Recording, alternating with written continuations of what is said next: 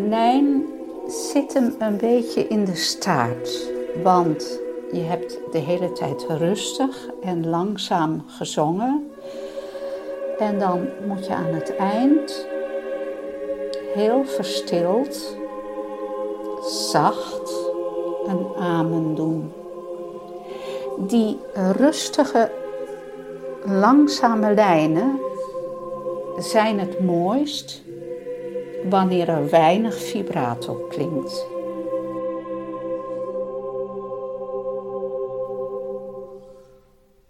Welkom luisteraars bij Koorzaken, de podcast van het Groot Omroep Koor. In deze derde aflevering van onze podcast vertellen collega's uit de sopraangroep over hun ervaringen met het uitvoeren van de Quattro Pezzi Sacri van Verdi. We hopen dat deze aflevering de eerste zal zijn van een projectje van vier, waarin telkens zangers uit één van de stemgroepen uit het koor reflecteren op hun werk aan hoogtepunten uit het koorrepertoire.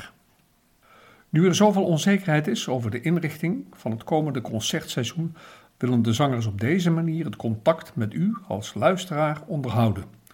Iets overbrengen van hun liefde voor het vak en van hun verlangen om weer regelmatig in de concertzaal voor u te kunnen zingen. De sopranen Elma van den Dool, Anitra Jellema, Annette de Rosario, Loes Groot-Antink, Annelie Brinkhoff en Maya Roodveld hebben tijdens de lockdown hun bijdrage aan deze podcast voor ons ingesproken. De concertopnames zijn van 6 februari 2015 en zijn ons bereidwillig ter beschikking gesteld door het Afro Tros Vrijdagconcert. Mijn naam is Gerard Arninghoff. Toen ik de opname van het Ave Maria uit de Quattro Pezzi Sacri terugluisterde, zonder de muziek te zien, alleen maar luisteren, was het apart dat ik eerst nog vooral associaties had met uh, hoe, hoe zwaar het fysiek was. En langzamerhand al luisterend steeds rustiger werd. En vooral op het eind, met die grote pauze voor de laatste zin, voelde hoe, hoe rustgevend dit prachtige stukje muziek is. En dat, ja, dat ik dat dan nu pas ervaar, na zoveel jaren, door het alleen maar te beluisteren. Want als je het doet, dan ben je zo geconcentreerd om het hele bouwwerkje in evenwicht te houden. De, de zuiverheid van de harmonieën, de voorzichtigheid van de, de volumeverschillen, de intentie, de gelijkheid, eh, de gezamenlijkheid. Dan ervaar je helaas niet die rust die ervan uitgaat. die is dan voor het publiek. Dus dat vond ik heel mooi om te merken van, oh, wat is dit een prachtig stuk. Wat eindigt het mooi in een diepe rust.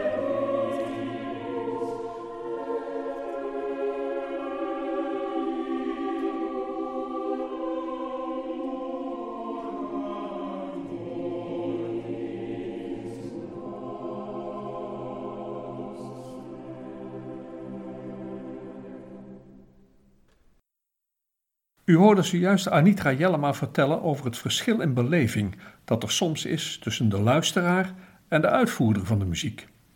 Annette de Rosario heeft geleerd dat je ook te zuiver kunt willen zingen.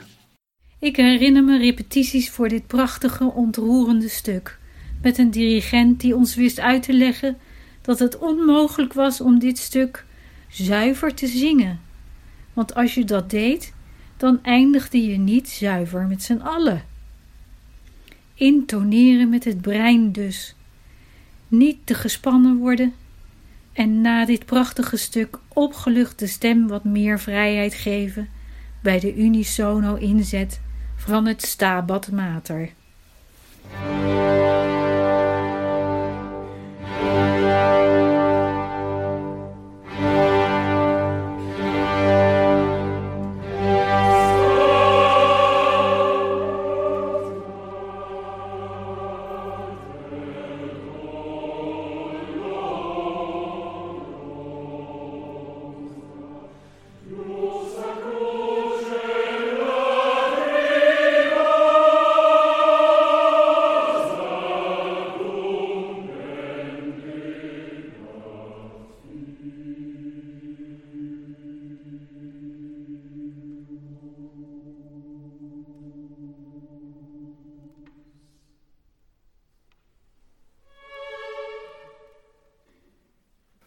Verdi begon het werk aan zijn Quattro Pezzi Sacri in 1886, nadat hij zo'n tien jaar nauwelijks had gecomponeerd.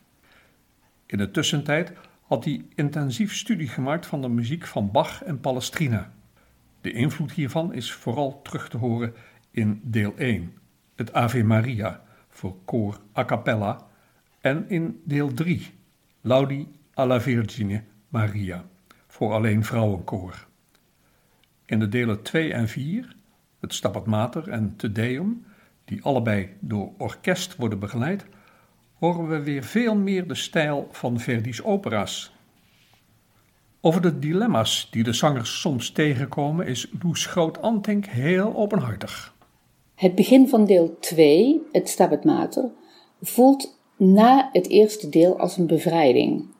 Het voelt als een warm bad, omdat je heerlijk in de klank van het hele koor van het unisono kunt opgaan. Je kan even ontspannen.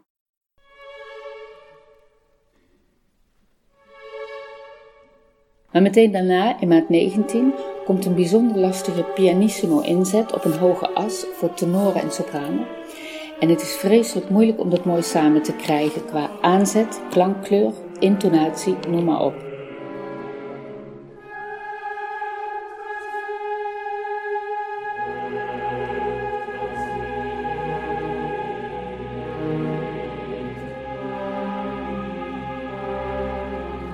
Maar als het lukt is het prachtig. Eerlijkheid gebiedt alleen wel te zeggen dat het helaas ook wel eens anders is. Dat het niet allemaal gaat zoals je het zou willen of als het zou moeten gaan. En dan is het een kwestie van op tijd ingrijpen en je mond houden. Dat voelt een beetje als een nederlaag, maar dat hoort er wel bij. Ten slotte ben je geen robot waarbij je op een knopje kan drukken en er vervolgens van alles perfect uitkomt. Het blijft tenslotte mensenwerk.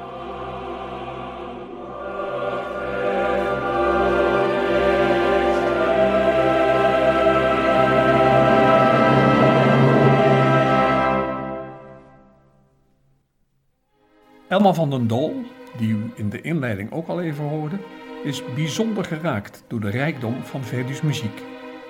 In het Vidit Jesum in Tormentis hoor ik gedeeltes terug uit Verdi's Requiem.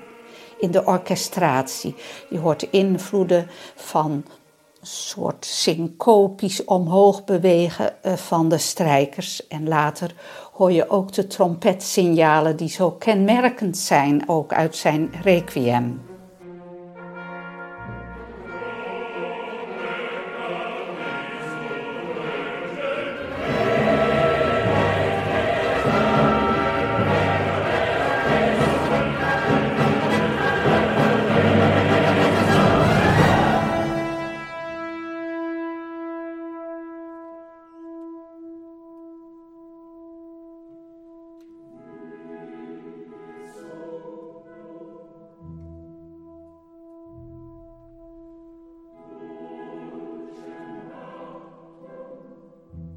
In maat 73 is het zo prachtig weergegeven door Verdi, het sterven. Het is zo beeldend. Ook het moment dat Christus zijn lichaam verlaat.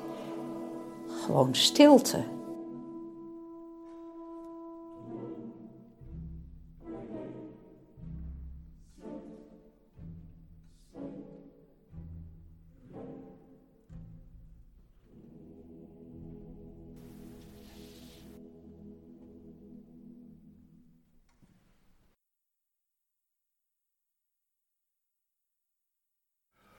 Voor een jonge zangeres die na een auditie opgenomen is in de sopraangroep van het Groot Omroepkoor, is het eerste project een spannend avontuur. Annelie Brinkhoff besloot om met Verdi te gaan kamperen. In de zomer voor aanvang van mijn eerste jaar bij het koor had ik bij mijn tentspullen de partituren voor het nieuwe seizoen en een klein draagbaar keyboardje ingepakt. Op een matje in de zon voor mijn tent studeerde ik mijn sopraanpartij van Verdi en bekeek ik de harmonieën. Er was toen nog geen YouTube of Spotify, dus even snel een keertje luisteren was er niet bij. Ik maakte zo mijn eigen klankvoorstelling en vond de melodieën prachtig.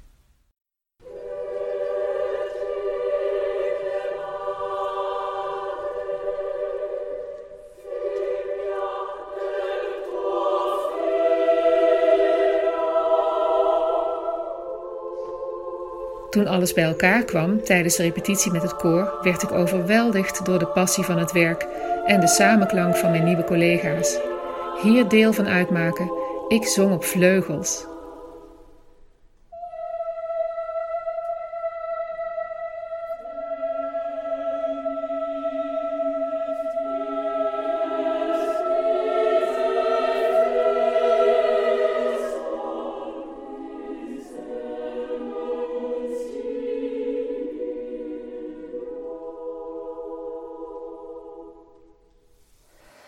Laudi alla Vergine Maria.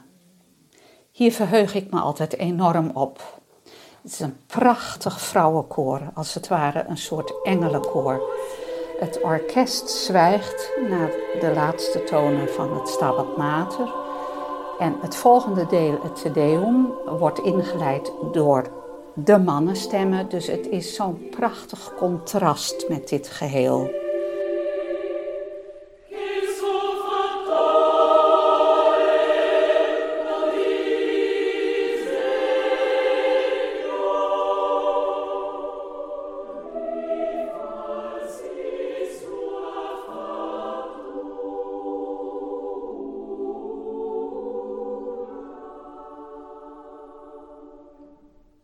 De sopranen hier in het Laudi moeten nog meer dan anders hun stemmen als het ware laten rusten op de andere lager liggende stemmen.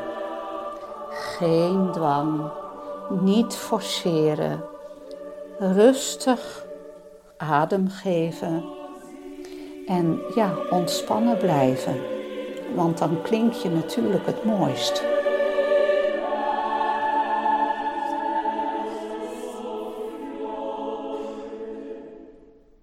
Heel lang geleden op het conservatorium begon het tot mijn zangdocenten door te dringen dat niet iedereen een grote solo-carrière te wachten stond.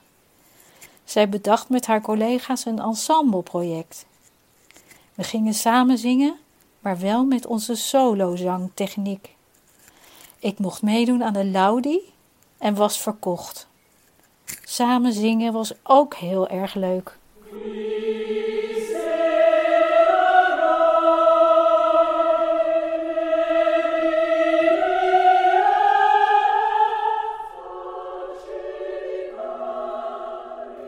Ook Maya Roodveld zong al vroeg in haar carrière mee met de uitvoeringen van de Quattro Pezzi Sacri.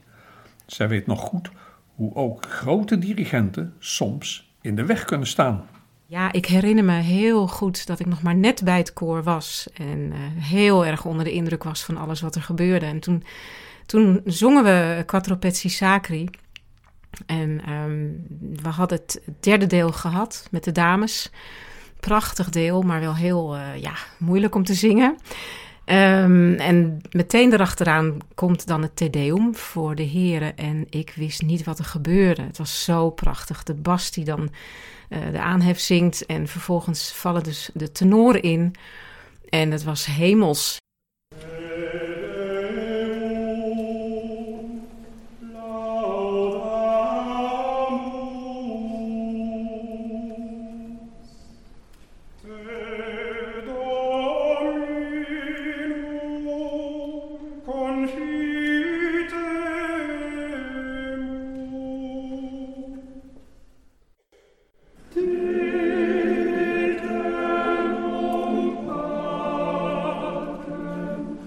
Vond het zo verschrikkelijk prachtig. En ik herinner me Jan Ditmeijer, uh, Paul Hameleers.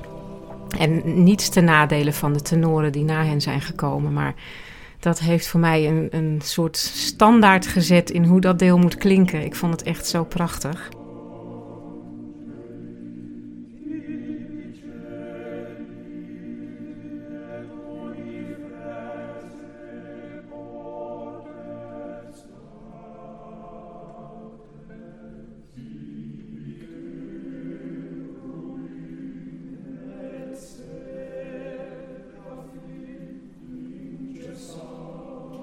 En ja, dat gaat dan over in het zangtoes met het hele koor. Nou ja, toen, toen steeg ik helemaal op.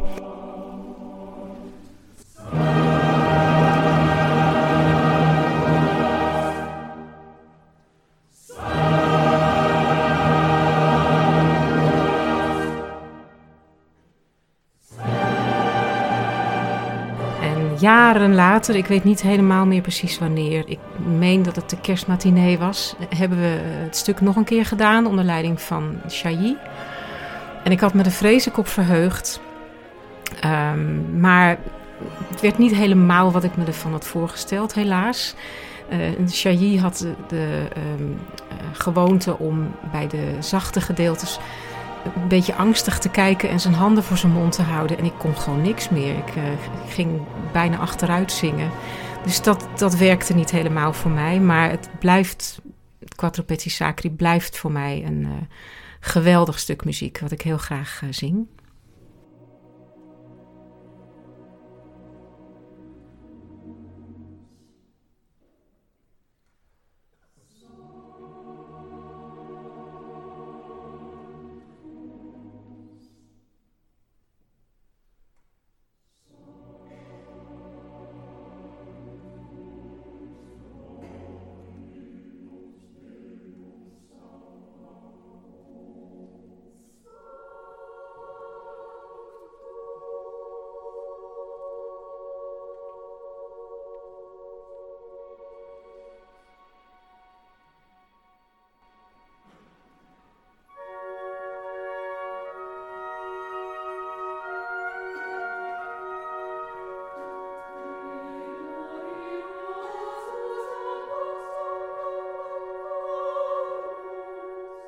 En dan begint er in maat 39 weer een melodieuze lijn of melodieuze lijnen. Eerst door de sopranen, waarbij de rest volgt.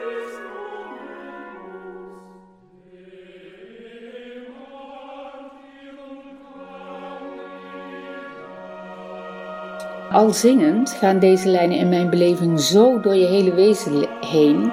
Je bent als het ware de muzikale lijn hier. Voor mij is het compleet.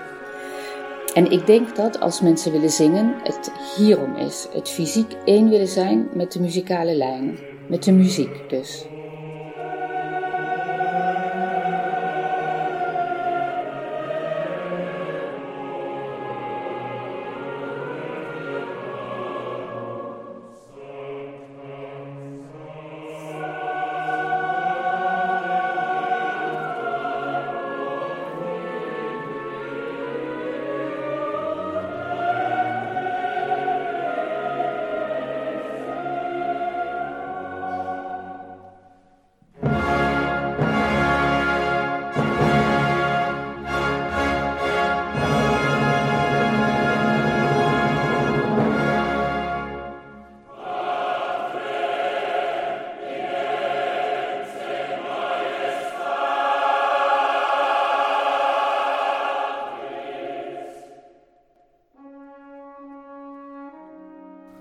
Tot zover, luisteraars, de derde aflevering van onze podcast, waarin sopranen uit het Groot Omroepkoor reflecteerden op hun ervaringen met het uitvoeren van de Quattro Pezzi Sacri van Verdi.